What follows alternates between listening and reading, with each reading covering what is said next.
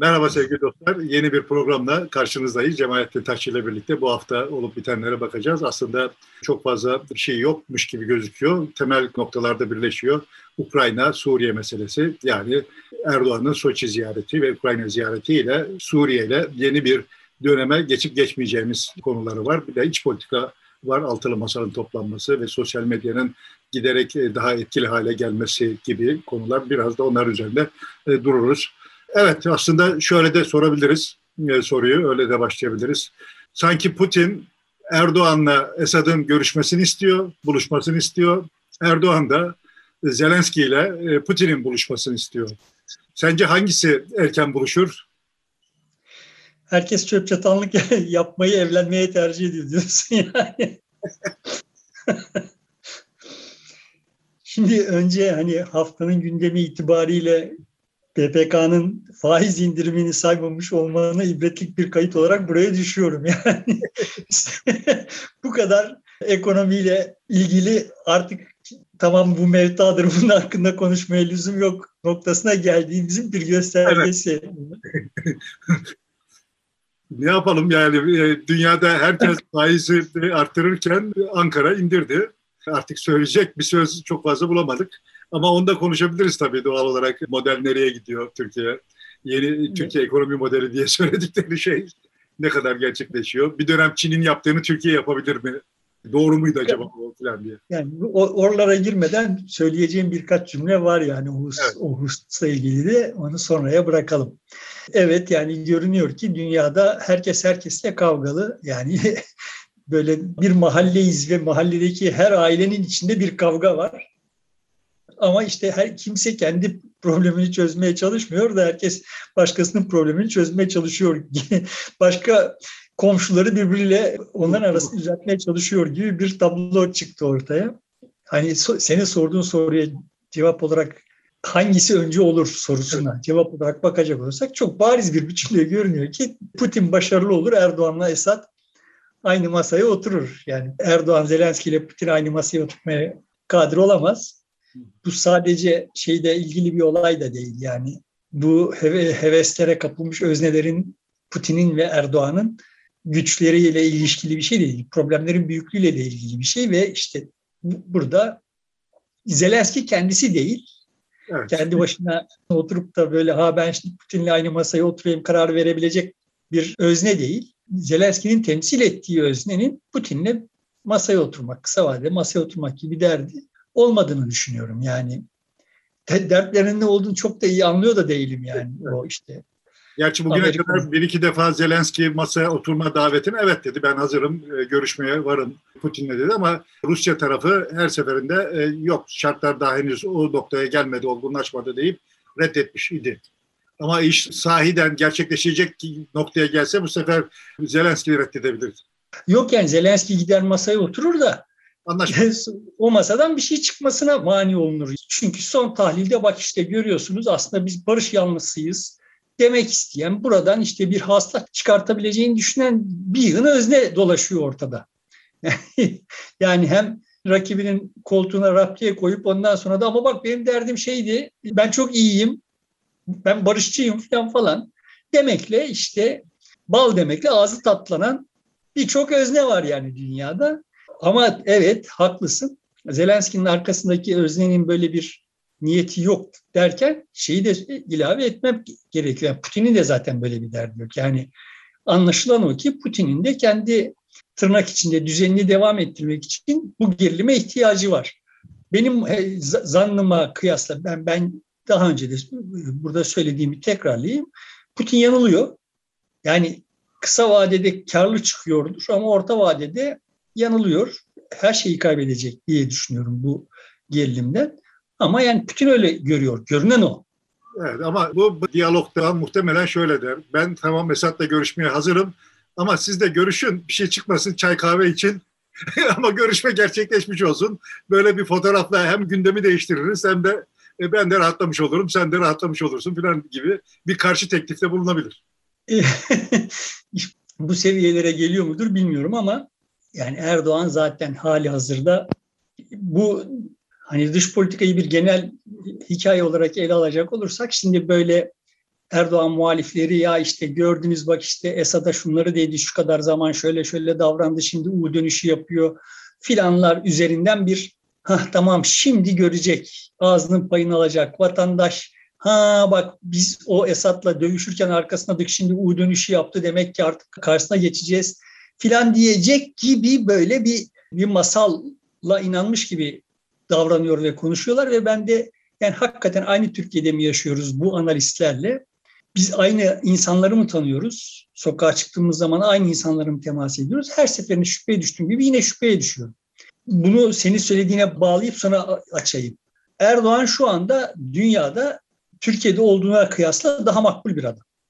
yani dünyada derken bu işte Batı dünyasına dahil olmak üzere dünyada, Türkiye'de olduğuna kıyasla daha makbul bir adam. Bu herkesin Erdoğan'a Türkiye insanının güvendiğinden daha çok güvendiği vesaire ya da ondan çok beklentisi olduğu manasına gelmiyor. Yani herkesin sınırlarını çizebildiği bir adam. Herkes kendince Erdoğan'a sınırlar koyabiliyor ve Dolayısıyla herkesin işine geliyor. Sadece bizim işimize gelmiyor. Yani Erdoğan Beştepe'de oturması sadece bizim işimize gelmiyor. Bizim dışımızdaki herkesin işine geliyor ve bu kadar basit bir şeyi, bu uzun süredir de böyle yeni bir şey değil. Bu kadar basit bir şeyi, bu kadar anti-emperyalist geçinen kamuoyuna anlatamayan bir muhalefet var. Çünkü aslında muhalefetin dünyayı okuyuş tarzı da zaten Erdoğan'ın okuyuş tarzı gibi. Yani yıllar itibariyle böyle oldu. Şimdi burada kamuoyunun dış politika, dış politika Türkiye'de iç politikanın bir malzemesinin en kıymetli malzemelerinden birisi uzun süredir. Bu dış politikada kamuoyu şöyle yapmıyor yani. Sıradan insanlar ha bak Suriye'de Esad diye bir adam var ve ben o Esad'a, Esad'ın politikalarına karşıyım. Onunla dövüşüyor olduğu için veya işte İsrail'le dövüşüyor, ben İsrail'e karşıyım, İsrail'le dövüşüyor olduğu için veya işte Yunanistan'a karşıyım. Yunanistan'la dövüşüyor olduğu için değil. Yani bunda bundan oy vermiyor. Yani daha doğrusu dış politikadaki hamleleri bu sebeplerle böyle içeriği itibariyle değerlendirip de Erdoğan'ın yanında değil yani. Burada esas mesele şu. Türkiye'nin Erdoğan'ı iktidara taşımış olan tırnak içinde sağ kamuoyunun çok baskın bir kanaati var. O kanaat şöyle özetlenebilir. Ya biz aslında özgür ağırlığı çok yüksek bir toplumuz. Çok yüksek bir ülkeyiz ve ama bizim başımızdaki adamlar bunun farkında olmadıkları için bizi durmadan ucuzlattılar. Yani dünyanın güç odakları karşısında bizi aciz bildiler, kozlarını yeterince oynamadılar ve biz böyle Şamaroğlan'la döndük. Erdoğan'ın yaptığı şey, aha işte biz artık Şamaroğlan'ı değiliz demekten ibaret. Yani Suriye'de bir şey oluyor ve biz seyirci değiliz. Libya'da bir şey oluyor ve biz seyirci değiliz. Şimdi seyirci değiliz, sahaya indik, tekme yiyoruz yani. Yani vatandaş bu tekme yeniyor olmasından yola çıkarak aa ulan yanlış iş yaptık falan falan demeyecek. Yani vatandaş buna razıydı. Çünkü seyirci olmak istemiyordu. Seyirci olduğu zaman dolandırıldığını düşünüyordu yani. Kısırık, böyle Türkiye'yi azımsayan bir dış politika olduğunu düşünüyordu. Realite böyle miydi bilmiyorum yani ben şimdi dış politika uzmanı da değilim, diplomat değilim. O diplomatların kendi aralarındaki jargonu, onların hangi imkansızlıklar içinde hangi imkanları yaratmaya çalıştıklarını vesaireyi bilemem yani. Ama kamuoyundaki yaygın kanaat buydu ve bu yaygın kanaatten Erdoğan tepe tepe faydalandı. Güncele dönecek olursak yani işte Suriye'de Tornistan eder. Esad'le aynı masaya oturur. Esed Esad olur, Esad tekrar Esed olur filan bir şeyler olur. Vatandaş o olmadı işte bak şimdi U dönüşü yaptı falan demez yani. Hiç tamam mı? Burada ama başka riskler var. Şimdi bu vatandaş düzleminde yani seçmen düzleminde bir sonuç çıkaracak diye vehmediyorlar. Buradan bir bir analiz kasıyorlar. Ya o öyle bir şey olmaz, olmayacak. Vatandaşın böyle bir şey zaten gündeminde yok. Ayrıca da hani bunu bile Bak tamam yani adam sahaya indi işte tekme yediğimizde tokat yediğimizde de tamam uygun mevzilere çekildi filan diye okur. Erdoğan bunu ayrıca işte Kürt koridorunu engelledik artık sonucu aldığımız için Esad bize bunları verdiği için filan diye masallaştırır. Bu alttan alta dolaşıma girer. Yalan olmasının önemi yok. Dolaşır bu. Sonuçta vatandaş buradan Erdoğan'a oy vermek için ekstra bir hikaye daha çıkarabilir. Görünen o ki muhalefet bu konuda vatandaşın hassasiyetin aslında nerede olduğunu anlamamak yüzünden bir kere daha bizim başımızı belaya sokma riski taşıyor. Ya biz demiştik zaten bu hataydı. Şimdi anladı. Hatadan dönüyor. Bari iyi işler yapsın deyip beklemekten ibaret kalan özellikle CHP'nin bir tutumu var. E işte büyükelçiler atansın, e işte görüşülsün. Bizim iş adamları gitsin orada fabrika kursun. Yani çok da fazla yeni bir şey olmayan e, Türkiye ne yapacak orada bir ufuk anlamında nasıl bir yol izleyecek e, onu ifade etmeyen bir şeysi var. Dolayısıyla Suçku Davutoğlu zaten bütün faturayı üzerine kesildiği için o savunmakta e, meşgul. O da fazla bir şey söyleyemiyor. En çok konuşması gereken bir kişiyken. Diğerleri de... Davutoğlu bir şey söyleyemez. Ya, bütün bu safsatının müellifi Davutoğlu bir şey söyleyemez zaten yani. Yani kafası değişmemiş durumda adam. Yani o sahiden böyle işte hani o da evet bizim bizi yönetenler tarafından azımsandığımız bizim gücümüzün bizi yönetenler tarafından azımsandığının üstüne bir de bizde böyle bir oyun kurucu bir şey vehmediyor. Yani dünyanın öyle bir dünya olmadığı artık gibi bir realitenin farkında değil yani. Dolayısıyla zaten Davutoğlu'dan bir şey çıkmaz. Şimdi sorun senin işaret ettiğin gibi yani biz söylemiştik bak bunun riskli bir oyun olduğunu. Şimdi fark etti dönüyor demek kamuoyunda şu şeyi canlandırıyor. Ha bunlara kalsa biz yine kendi evimize sıkışacağız. Herkes bize şamar atacak ve biz tamam ama bir dakika falan falan diyeceğiz yine. Bunu çağrıştırıyor yani.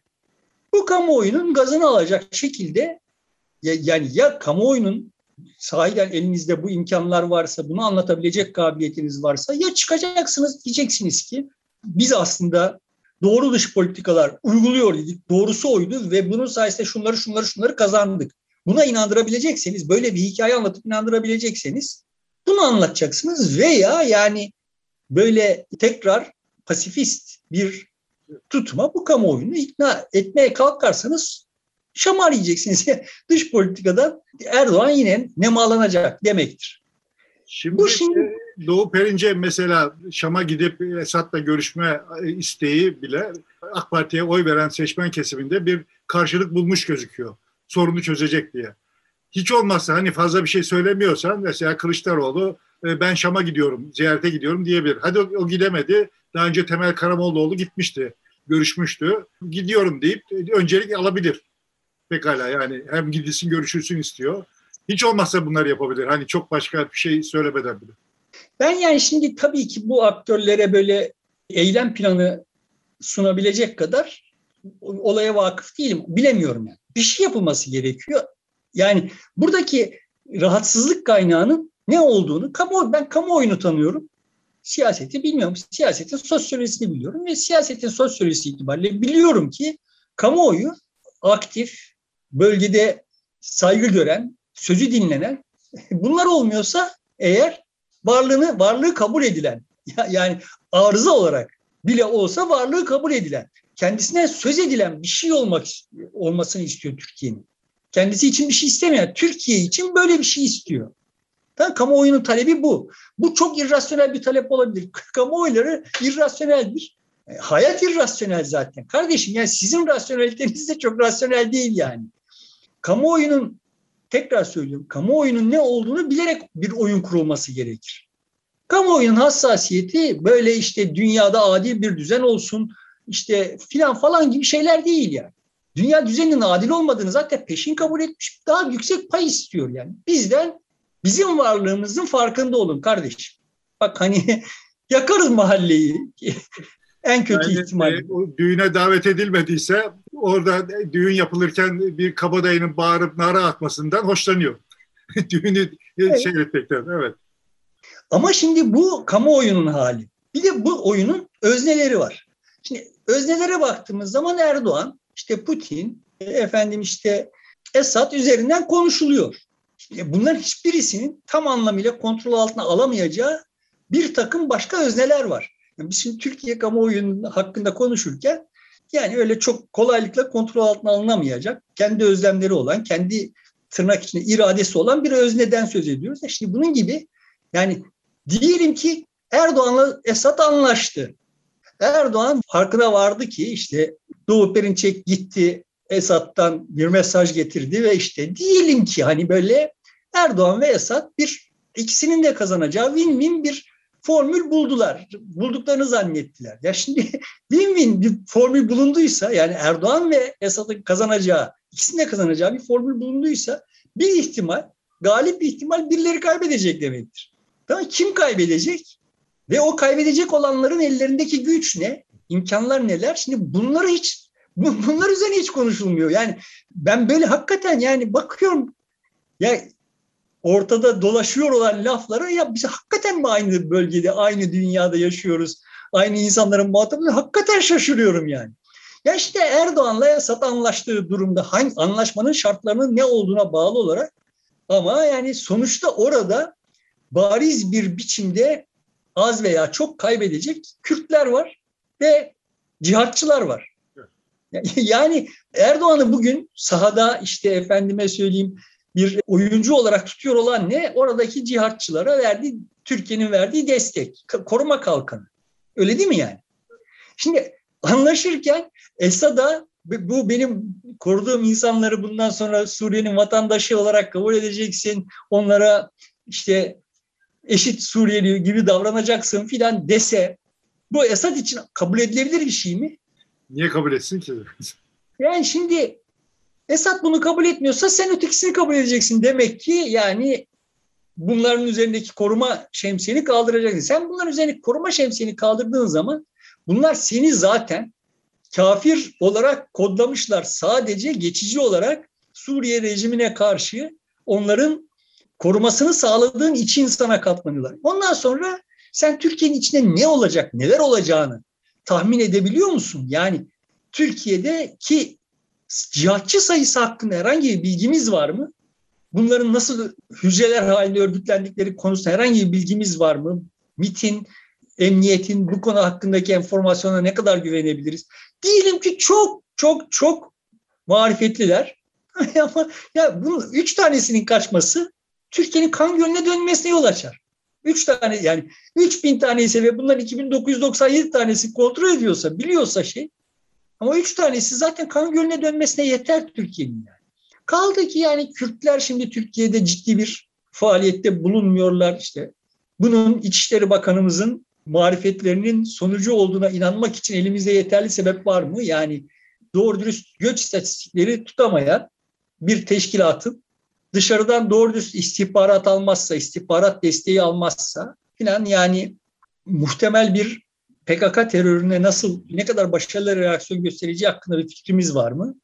Kaldı ki yani şimdi bu oradaki iki özne için yani şimdi senin böyle bir anlaşmanın Birleşik Devletler için ne manaya geleceği, İsrail için ne manaya geleceği, onların olayı nasıl yorumlayacağı vesaireler filan falan hakkında da sayısız soru işareti var. Böyle sanki hani biz Suriye'yi Esad ve Erdoğan bir masaya oturacaklar ve işte tamam ya ben işte senden şu alacağımdan vazgeçtim, sen de şuradaki tapundan vazgeç filan dediklerinde filan dünya güllük gülistanlık olacak bir hikaye anlatılıyor ya burada bu bölgedeki çözüm öyle bir şey değil ya. Yani. Çok karmaşık zaten öyle kolay bir çözümü yok. Bir kere Rusya'nın askeri var, İran'ın askeri var, ABD'nin küçük de olsa askeri var, Türkiye'nin askeri var, hükümet dışı e, gruplar var, örgütler var işte YPG var, SDG var. Onun üzerinde 40 e, bin e, kişiye ulaştığı söylenen Suriye Milli Ordusu var. Onun dışında pek çok şey cihadist örgüt var. İdlib merkezde olmak üzere. Bütün bunları aynı anda ikna edip bir ortak çözüm bulmak gerçekten çok zor. Çok istense bile yani. Hayır sonuçta o sadece İdlib'deki cihatçı şeyler için bu bir ölüm kalım meselesi.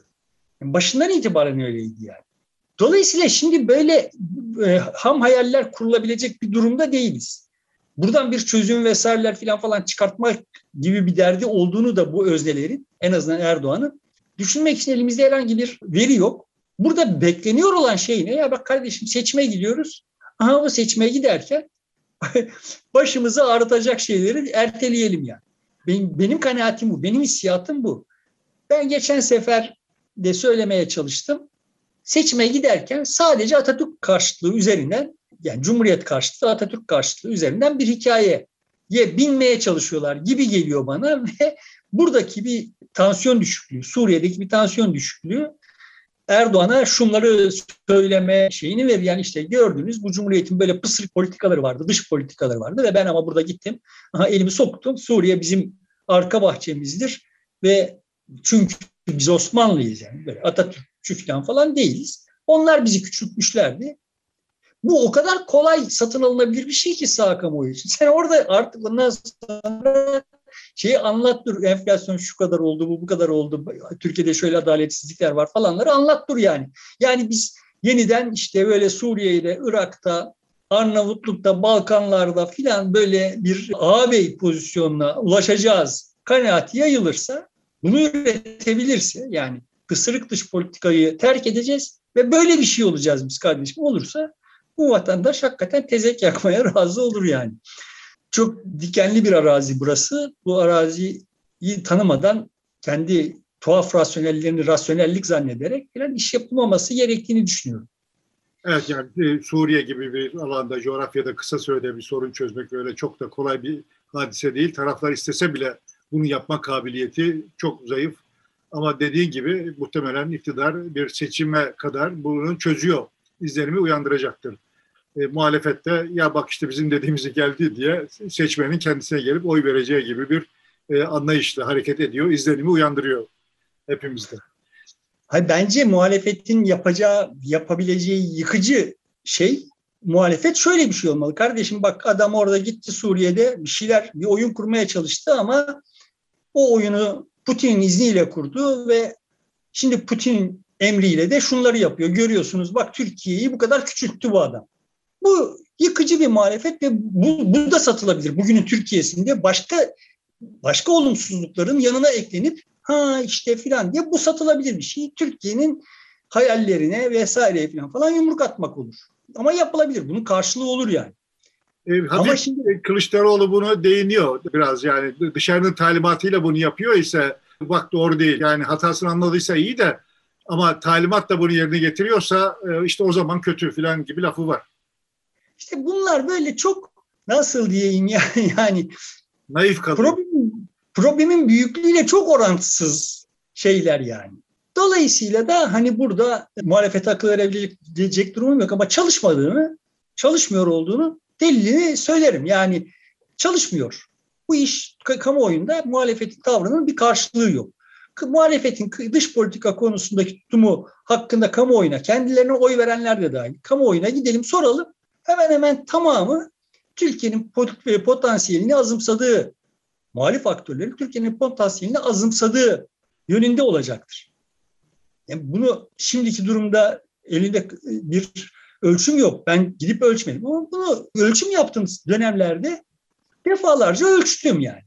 Kamuoyunun, Türkiye kamuoyunun genel kanaati böyle. Biz aslında neyiz ama kanaatidir. Yani Türkiye'de bu baskın olarak her yörede de vardır zaten. Yani git Çorum'a, Çorum'un aslında ne kıymetleri vardır ama işte bunlar değerlendirilemiyordur. İşte Tokat'a git aynı şeyi dinlersin filan. Bunlar hoş şeyler. Yani bunlar toplumun hala her şeye rağmen iyimserliğini koruduğu ve işte bir yol açmak için elinde bir enstrüman olarak bunları tuttuğu manasına geliyor yani. Eğer buradan istersen biraz iç politikaya, içeriye doğru girelim. Hem de Denizli'de Babadağ ilçesine bir kaymakam atandı. 27 yaşında bir Ermeni e, vatandaşı. Cumhuriyet döneminde ilk kez e, bir kaymakam olarak atanmış bir Ermeni kökenli bir Türk vatandaşı. Bunu biz değerlendirelim. Bunun özel bir anlamı var mı? Yoksa e, muhtemelen biraz özel bir şeysi var. Çünkü yeni sınava giriyor, kazanıyor filan, atanıyor. Bugüne kadar atanmadığına göre bu sadece Ermenistan'la yürütülmekte olan özel görüşmelerin daha oraya bir jest olarak mı okunabilir yoksa içeriye dair daha farklı bir değerlendirme yapılabilir mi? Yok ya bence tamamen içeriye dair ve işte dediğim gibi yani bu Atatürk'le dövüşün bir cephaneliği olarak kullanılacaktır. Yani bak gördünüz Türkiye Cumhuriyeti kendi vatandaşlarına böyle davrana geldi ama işte biz ilk defa böyle bir şey yapıyoruz. şimdi biz ilk defa böyle bir şey yapıyoruz. 20 yıldır niye yapmadınız ve yani bu kadar kaymakamın arasında bir tane kardeşim yani artı tabii buna bunun yanına birçok şey eklenebilir. Ve haklı oluruz. Haklı olmanın bir manası yok yani. Yani bu bir tane sembol, sembolik bir şey ve böyle geviş getire getire kullanılacaktır yani. Ve işte bize diyorlar ki bak işte dışlayıcı vesaire falan görüyorsunuz kardeşim biz ilk defa olmak üzere bir Ermeni kaymakam atayan iktidarız filan diye de böyle yani şimdiye kadar dışladıkları bilmem ne kadar şeyi görünmez kılmaya çalışacaklardır. Tekrar söylüyorum ya bu tür ataklar her birisi eğer karşıda muhalefet yoksa, doğru bir bariyer yoksa gol olur. Doğru bir bariyer varsa kendi kalene gol olur. Yani bunların her birisi böyle ne kadar akıllıca vesaire filanla belirlenmiyor yani. Karşıdaki bariyerin boyuyla bu hamlenin boyu arasındaki orantıya göre belirleniyor. Dolayısıyla şimdi böyle adam oradan bir gol atacak ve vay adam neyi akıl etti olacak. Halbuki sen, sen uygun yerde hata kesememişsin yani. Evet. Temel mesele buradan çıkmış. Burada senin memleketin yani sonuçta ben bu çocuğun kaymakam atanacağı işte birkaç ay önce belli olduğunda acaba nereye atarlar diye kendimce düşünmüştüm, düşünmüştüm. Sonra atama gerçekleşip de Deniz Baba da olunca aha tamam çok uygun bir, bir yer bulmuşlar bunlar. Yani hem Denizlilerin genel olarak hem de Baba Dağlıların böyle Türkiye ile ve dünya ile temastaki kıvraklıkları itibariyle ya işte bunun benzeri nerede olabilirdi? İşte mesela Antep'te olabilirdi. Antep başka riskleri var ama Denizli çok uygun bir yer gibi geldi bana. Çok akıllıca. Baba, Baba da yeni ilçe oldu. Özel zamanda ilçe, ilçe oldu. Daha doğrusu Sarayköy'den ayrılarak. Dokumacılık üzerine gelişmiş, ticareti çok iyi bilen bir ilçe. Ya dokumacıdır oradan çıkanlar ya da kuyumculukla meşgul olurlar. E, kapalı çarşıda da epeyce e, temsilcileri var. Ve tekstilde de var. Ahmet Nazif Zorlu'nun ilçesi en çok bilinen isim olduğu için söylüyorum. Buna benzer daha çok sayıda var. İlçede çok az nüfus var yaşayan şu aşamada. Ama ilçeden yetişmiş olan herkesin ilçeyle irtibatı devam ediyor. Gider gelirler. Orada muhakkak bir evleri vardır. Konuşurlar. Ama bu ilçeden yetişmiş pek çok insan dünyanın hemen her yerine mal satmıştır. E, her türlü insanla karşılaşmıştır. Çatışmacı değil, uzlaşmacıdır. E, o ticaretine bakar. Mal, nasıl mal satacağım, buradan nasıl para kazanacağım diye onun üzerinde yoğunlaşır daha çok. Dolayısıyla uygun bir yer yani. İyi bulmuşlar diye hissettim ben de yani. Evet, buradan istersen şu bizim meşhur e, Türkiye ekonomi modeli düşük faiz, yüksek kur politikasına gidelim. Tam unutuldu derken hiç kimse de böyle bir beklenti yokken e, faiz birden e, bir puan indirildi. 100 baz puan. E, 14'ten 13'e inmiş oldu.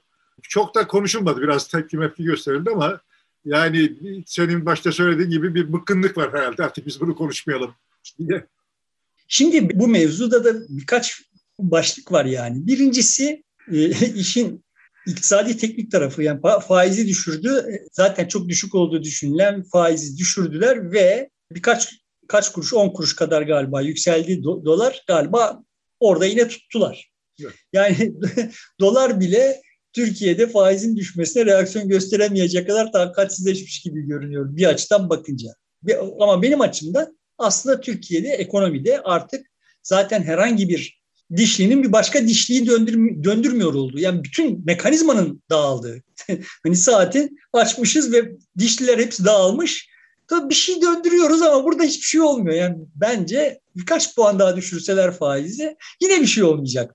Bunun alternatifini de düşündüm yani kendi payıma. Şimdi olacak iş değildi de önceki gün PPK faizi 15 puana yükseltseydi mesela. Dolar ne kadar kıpırdayacaktı?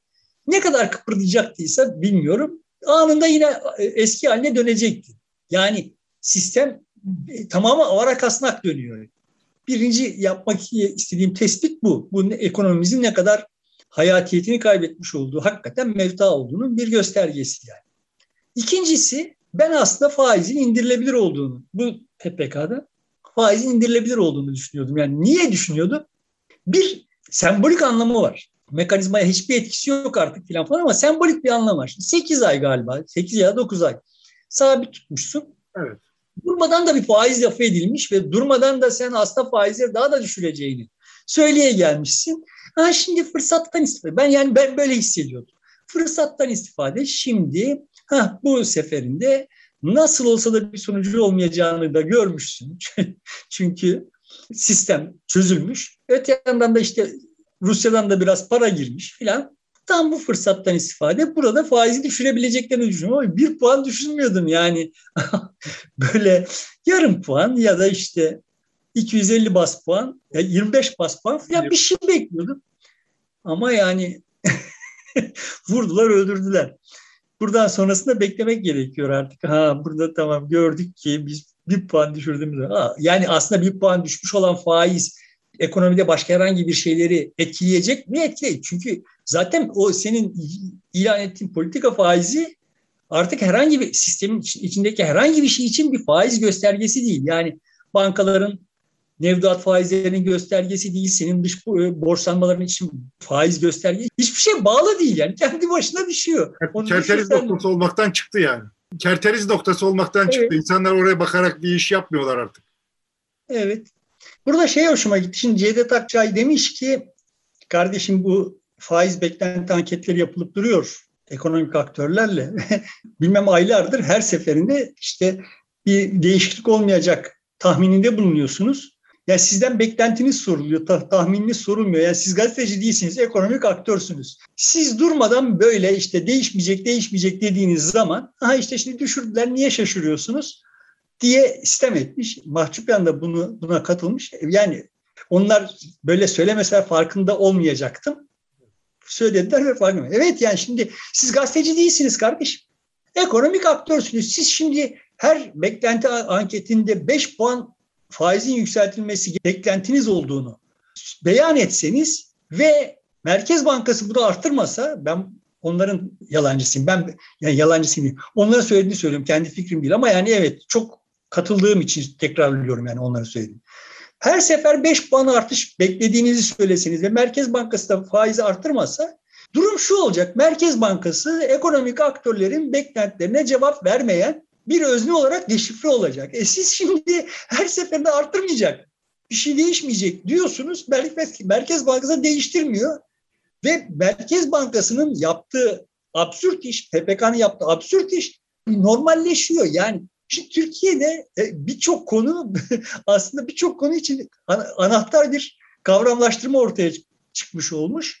Evet yani siz şey değilsiniz ya. Size anket yapıyorlar beklentinizi, talebinizi, temenninizi bir anlamda soruyorlar. Yani gazetecilere sorsalar tamam onlar bu aktör şöyle davranır falan falan diye söyleyecek ama yani sizin işiniz bu değil. Sonra sonuçta hep biz müstahakız ya yani olay oraya geliyor. İndirilince de çok fazla da tepki göstermiyorlar.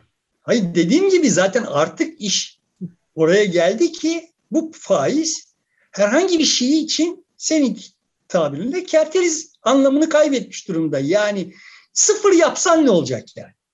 Ya sen şimdi bankadan kredi almaya gittiğin zaman veya bankaya mevduat yatıracağın zaman falan ha bak orada politika faizi bir puan düştü şimdi deyip de banka sana öyle davranmıyor ki. Herhangi bir şey buna bağlı değil yani. Evet yani Türkiye ekonomi modeli diye şimdi bunu söylüyorlar. İşte ekonomi büyüyor, düşük faiz, yüksek kurla falan deyip Avrupa'nın üretim üssü olacağız bu haliyle. Çin e zaten uzak ve lojistik maliyetleri de çok yüksek. Bir de Çin köşeye sıkıştırılıyor. Dolayısıyla Türkiye'nin önü açık gibi bir hikayede anlatılıyor. Benim gördüğüm öyle bir şey bile anlatılmıyor artık çoktandır ya. Yani ben bana gelmiyor. Yani şimdi böyle hani batmış bir gemi var. Bu geminin artıkları üzerinde e, hayatta kalmaya çalışan bir, biri gelip de bizi kurtaracak mı acaba diye bekleyen bir kalabalığız yani. Muhtemelen yakında donarak öleceğiz suyun soğukluğu yüzünden ama hani bir şey olursa falan diye bekliyoruz. Ana hatlar itibariyle tablo bu. Kimseye şimdi bir gün gelecek de böyle biz Çin olacağız hikayesi anlatmaya da cesaret edemiyorlar artık. Bir anlattılar. Şimdi benim gördüğüm yani işte seçime giderken büyümeden vazgeçmemek gibi bir şey böyle açıklanıyor. Bu büyüme dediğimiz büyülü şeyde eğer böyle giderse büyüsünü kaybeder. Yani çünkü sokaktaki vatandaş için her şey son derece katlanılmaz hale gelmiş durumda yani.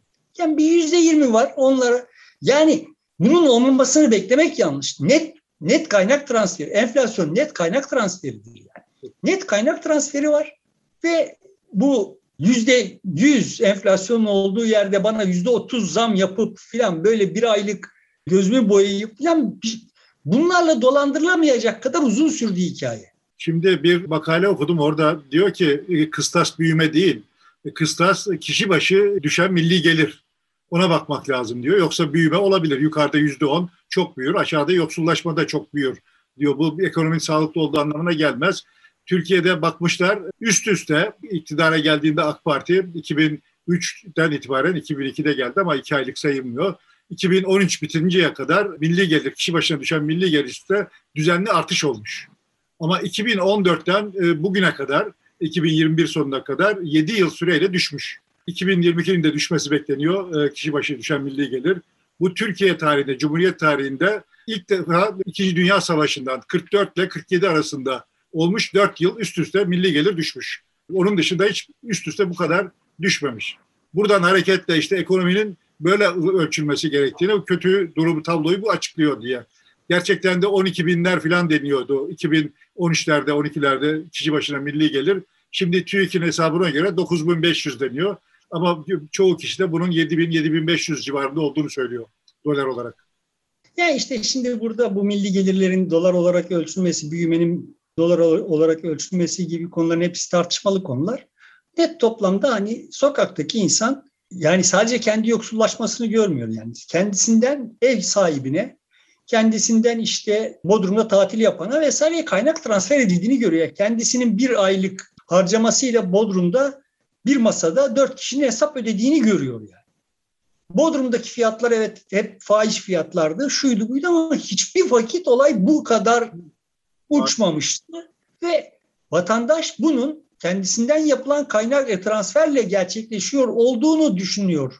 Dolayısıyla bu bu sürdürülebilir. Buradan bir bu kamuoyuna başka bir hikaye anlatılabilir değil artık yani. Yani şimdi burada aslında hani oturup bak enflasyonun bütün bunların sebebi olduğu yani yoksuldan zengine kaynak transferi olduğu, enflasyonla mücadelenin bunun için önemli olduğu vesaire gibi bir şeyin çok ilkokul öğrencisi anlatır gibi Allah. anlatılacağı yani anlatmak doğru bir tabir değil yani. yani bunun dolaşında kalacağı bir hikaye lazım yani. Ama bilmiyorum yani. Işte. Yine burada işte çok ekonomist. Böyle bir hikaye yazmak için altılı masa toplanıyor pazar günü. Biz program yayınlandıktan sonra uzun süredir her ay toplanıyorlar zaten. Bu da altıncı toplantı galiba. Böylece ilk tur tamamlanmış oluyor. Her liderin kendi ev sahipliğinde toplantı yapıldı. Burada ne çıkabilir? İşte bir anket yaptırdıkları, orada milli şey bu ittifakın, Millet İttifakı'nın nasıl karşılandığı, altılı masanın nasıl karşılandığı gibi bir takım ölçümler yapmışlar.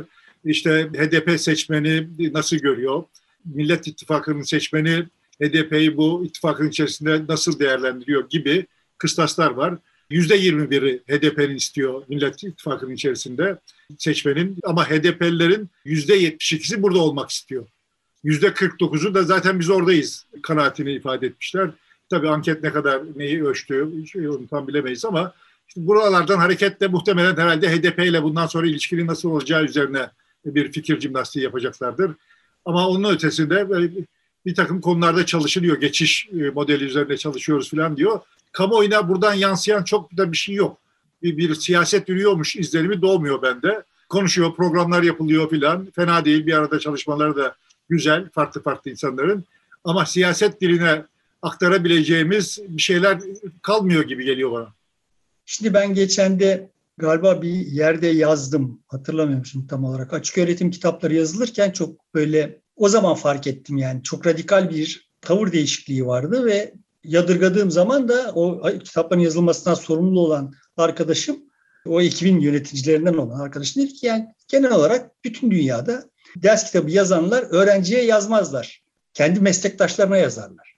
Benim anladığım kadarıyla altılı masada da böyle işte hani her birisi siyaset uzmanı olan bu zevat siyaset uzmanlarına hitap edecek bir jargonla bir şeyler. Ya bak kardeşim enflasyonun ne olduğunu sokaktaki vatandaşın zaten hissediyor olduğu vatandaş zaten bunu hissediyor. Onun kendisini onaylayamasına izin verecek kadar basit bir üslupla dile getirmeniz gerekiyor sizin ne kadar iyi iktisatçı olduğunuzu falan falan bilmemizin bize bir faydası yok. Böyle bir derdimiz de yok. Ama bu heyetin temel olarak dünya tasavvuru bu. Yani dünya tasavvuru zaten işte böyle bu elitist kendi aralarında birbirlerini alkışlayan. Şimdi CHP'li vekilleri sokağa saldığın zaman ne kadar çuvalladıklarını görüyorsun ama onlarla aynı masaya oturduğunda her birisi derya. Yani ben beş sene yani çok uzun süre birlikte şey ama beş sene neredeyse her hafta birkaç kere en az beş CHP'li vekille katlanmak durumunda kaldım. Biliyorum yani. Her birisi deryadır. Ama sokağa çıkar vatandaşla iki laf edemez. Çünkü o jargonu bilmiyor yani. Öteki jargonu bildiği için milletvekili olmuş zaten. Sıkıntı burada. Şimdi bu anlamda altılı masa işte dediğin gibi vatandaş ve muhalif medya, alternatif medya altılı masaya bir anlam yakıştırmak için kendini paraladı ve yakıştırdı. Yani vay işte görüyorsunuz bak birbirinden farklı kesimler bir masanın etrafında kavga etmeden oturuyorlar. Ay ne kadar güzel alkışlayalım yani. Şimdi bunu da kendi kendileri yapmadı. Yani vatandaş ve dediğim gibi işte muhalif kamuoyu yaptı. Ama oradan bize bir şey dokunacak herhangi bir şey çıkmadı. Çıkmıyor da çıkması da çok zor görünüyor. Son tahlilde olay dönüyor dolaşıyor. Ya adayı belirleyin ya da işte Mehmet Yılmaz'ın yaptığı gibi bir program açıklayın. Yani ne program açıklıyorsun kardeşim? Yani siyaset öyle yürümüyor. Yani bir, ben Kürt meselesini çözeceğim. Ya şimdi Kürt meselesinin bir problem olduğu ve Türkiye'nin de kanını emiyor olduğu vesaire hakkında kamuoyunda çok yaygın bir kanaat olabilir. Şimdi sen bir ben Kürt meselesini çözeceğim deyip de bir program ortaya koysan sana oy verecek olanlar da çil yavrusu gibi dağılır. Çünkü o programın ya şurasına ya burasına itiraz edecektir. Yani bunlar böyle masa başında oturuyorlar ve işte kendi kafalarında kendi yazılarını programlıyorlar. Ha siyaset öyle bir şeydir mi varsayıyorlar? Ne oluyor anlamıyorum yani. Ya öyle olmuyor bak. Dünya öyle değil yani. Çözeceğim de dediğin şey yani Kürt meselesini çözeceğim dediğin zaman demek ki Suriye meselesi gibi ya da e, yani enflasyonu çözeceğim dediğin zaman demek ki şey meselesi gibi. Sen bunu yapmaya kalktığın zaman birilerinin canı yanacak. Şimdi kazanıyor olanlar kaybetmeye başlayacaklar. Onların hangi mevzilerde hangi reaksiyonları göstereceğini şimdiden tahmin edemeyiz. Hayat böyle yaşanıyor olan bir şey. Planlanan bir şey değil. Dolayısıyla böyle şeyler beklenemez orada. Yani ne, ne beklenebilir? Siyaseten ne beklenebilir? Bir heyecan bekleriz. O heyecan var mı? Yok. Böyle bürokratik bürokratik yani sanki memurlar toplanıyor. Yani belediyenin tam anlamıyla komisyon. Ha yani. yani komisyonu toplanıyor. Başkanları toplanıyor. Yani şimdi böyle bir hava var. Heyecan yok. Peki yani bir ümit, bir hayal var mı? Yok. Şimdi bize bunlar lazım. Ne var? Bir tek şu var. Kardeşim bak tekrar tekrar aynı şeyi söylemek zorunda kalıyoruz hep yani. Erdoğan gidecek. Biz hata yapmazsak bize düşecek şey mal. Dolayısıyla şimdi boş verim hayali, heyecanı şunu bunu hata yapmayalım yani. Bu öngörü ne kadar haklı onu da göreceğiz seçimde. İşte gene son bir anket yaptırmışlar. Orada e, Erdoğan'a asla oy vermem diyen 60 çıkmış. İsim belirtmeden oy yazmışlar. Bir karşısına Erdoğan yazmışlar. Muhalefetin e, adayına %54 oy veririm diye çıkmış. %30'lar civarında da Erdoğan çıkmış. İşte buradan hareketle biz kimi koysak seçilir gibi bir şey var. Kılıçdaroğlu da biz birinci partiyiz. İlk turda Cumhurbaşkanlığını kazanırız diyebiliyor bunlardan hareketle.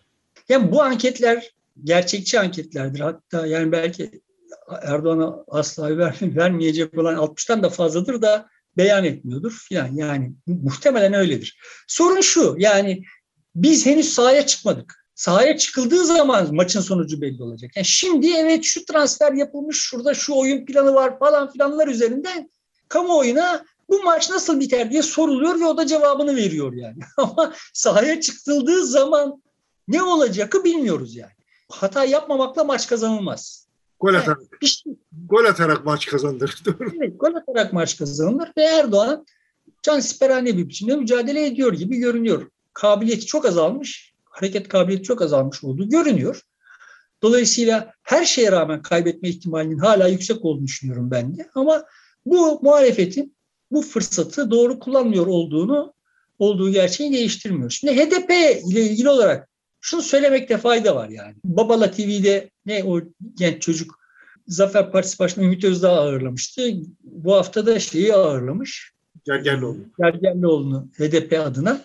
Ben programı izlemedim. Ötekisini izlemiştim. Bunu izlemedim yani. Anladığım kadarıyla Gergerlioğlu'nu fena halde hırpalamış salondakiler. Ve işte o da çok romantik romantik cevaplar vermiş. Yani hani memleketin hali hakkında zaten kendisi romantik bir adam.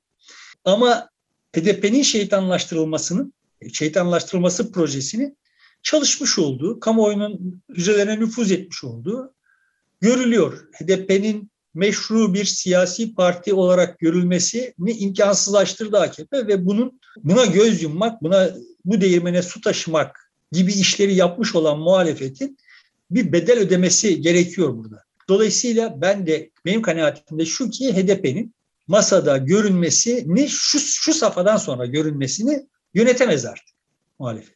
Buraya getirilmemesi gerekiyordu olayı. Benim şahsi kanaatim. Buraya getirilmiş olduktan sonra kısa vadede bunu zarar vermeyecek hale getirilmesi çok kolay görünmüyor. Ben HDP'de de şeyi hissediyorum yani tamam kardeşim siz bizi masaya çağırmayın biz de buradan biraz bağırırız çağırırız ama sonuçta bizim seçmenimizin size oy vermesine sağlarız. Edası görüyorum. Bunu öyle yönetmek gerekiyor diye düşünüyorum yani. E, bu zaten anketlerde de gözüküyor. Yani HDP seçmeninin %72 e, oranında Millet İttifakı ile beraber olduğu, kendisini orada görmek istediği gibi bir e, sonuç var anket itibariyle de baktığımızda. Çünkü onlar da bir oyunun kuralının değişmesi, sonucun değişmesi için bir araya gelinmesi gerektiği gibi bir anlayışa sahipler. Bunu yerel seçimlerde gösterdiler yani İstanbul, evet. Adana, Mersin. Tekrar, tekrarlayacaklar diye düşünüyorum. Yani böyle işte hani kör gözün parmağına muhalefetin tek adayı olarak Akşener veya Mansur Yavaş ikisinden birisi gösterilmezse yani HDP seçmenine gidin lan denmezse evet. eğer HDP seçmeni herhangi bir işaret beklemeden muhalefetin adayı kimse ona oy verecek diye düşünüyorum yani. Şartlar tabii değiştirilmezse. Evet, dava sürüyor Anayasa Mahkemesi'nde. Bitmesi gerekiyordu. Ee, süreler çünkü çok uzadı artık. Son savunmalar da verildi. Bir karar e, çıkmıyor. İşte bir kapatma şeyi de gelmedi mesela. E, kapatılsa belki HDP seçmeni çok daha rahat hareket edecek bu geçişkenlik açısından. Yani işte orada dandik dündik hesaplar yapan, bunda siyaset zanneden bir özne var yani. Yani muhalefete, muhalefetimiz böyle, iktidarımız da böyle. Bunlarla bunu siyaset zanneden bir iktidarımız var işte yani. Ne diyeceksin? Peki burada bitirelim mi? Başka söyleyecek? Bitirelim. Tamamdır. Sevgili dostlar burada bitiriyoruz. Programın sonuna geldik. Yeniden görüşeceğiz. Bize desteğinizi sürdürürseniz seviniriz. Teşekkür ederiz. Ee, sağ olun. Görüşmek üzere.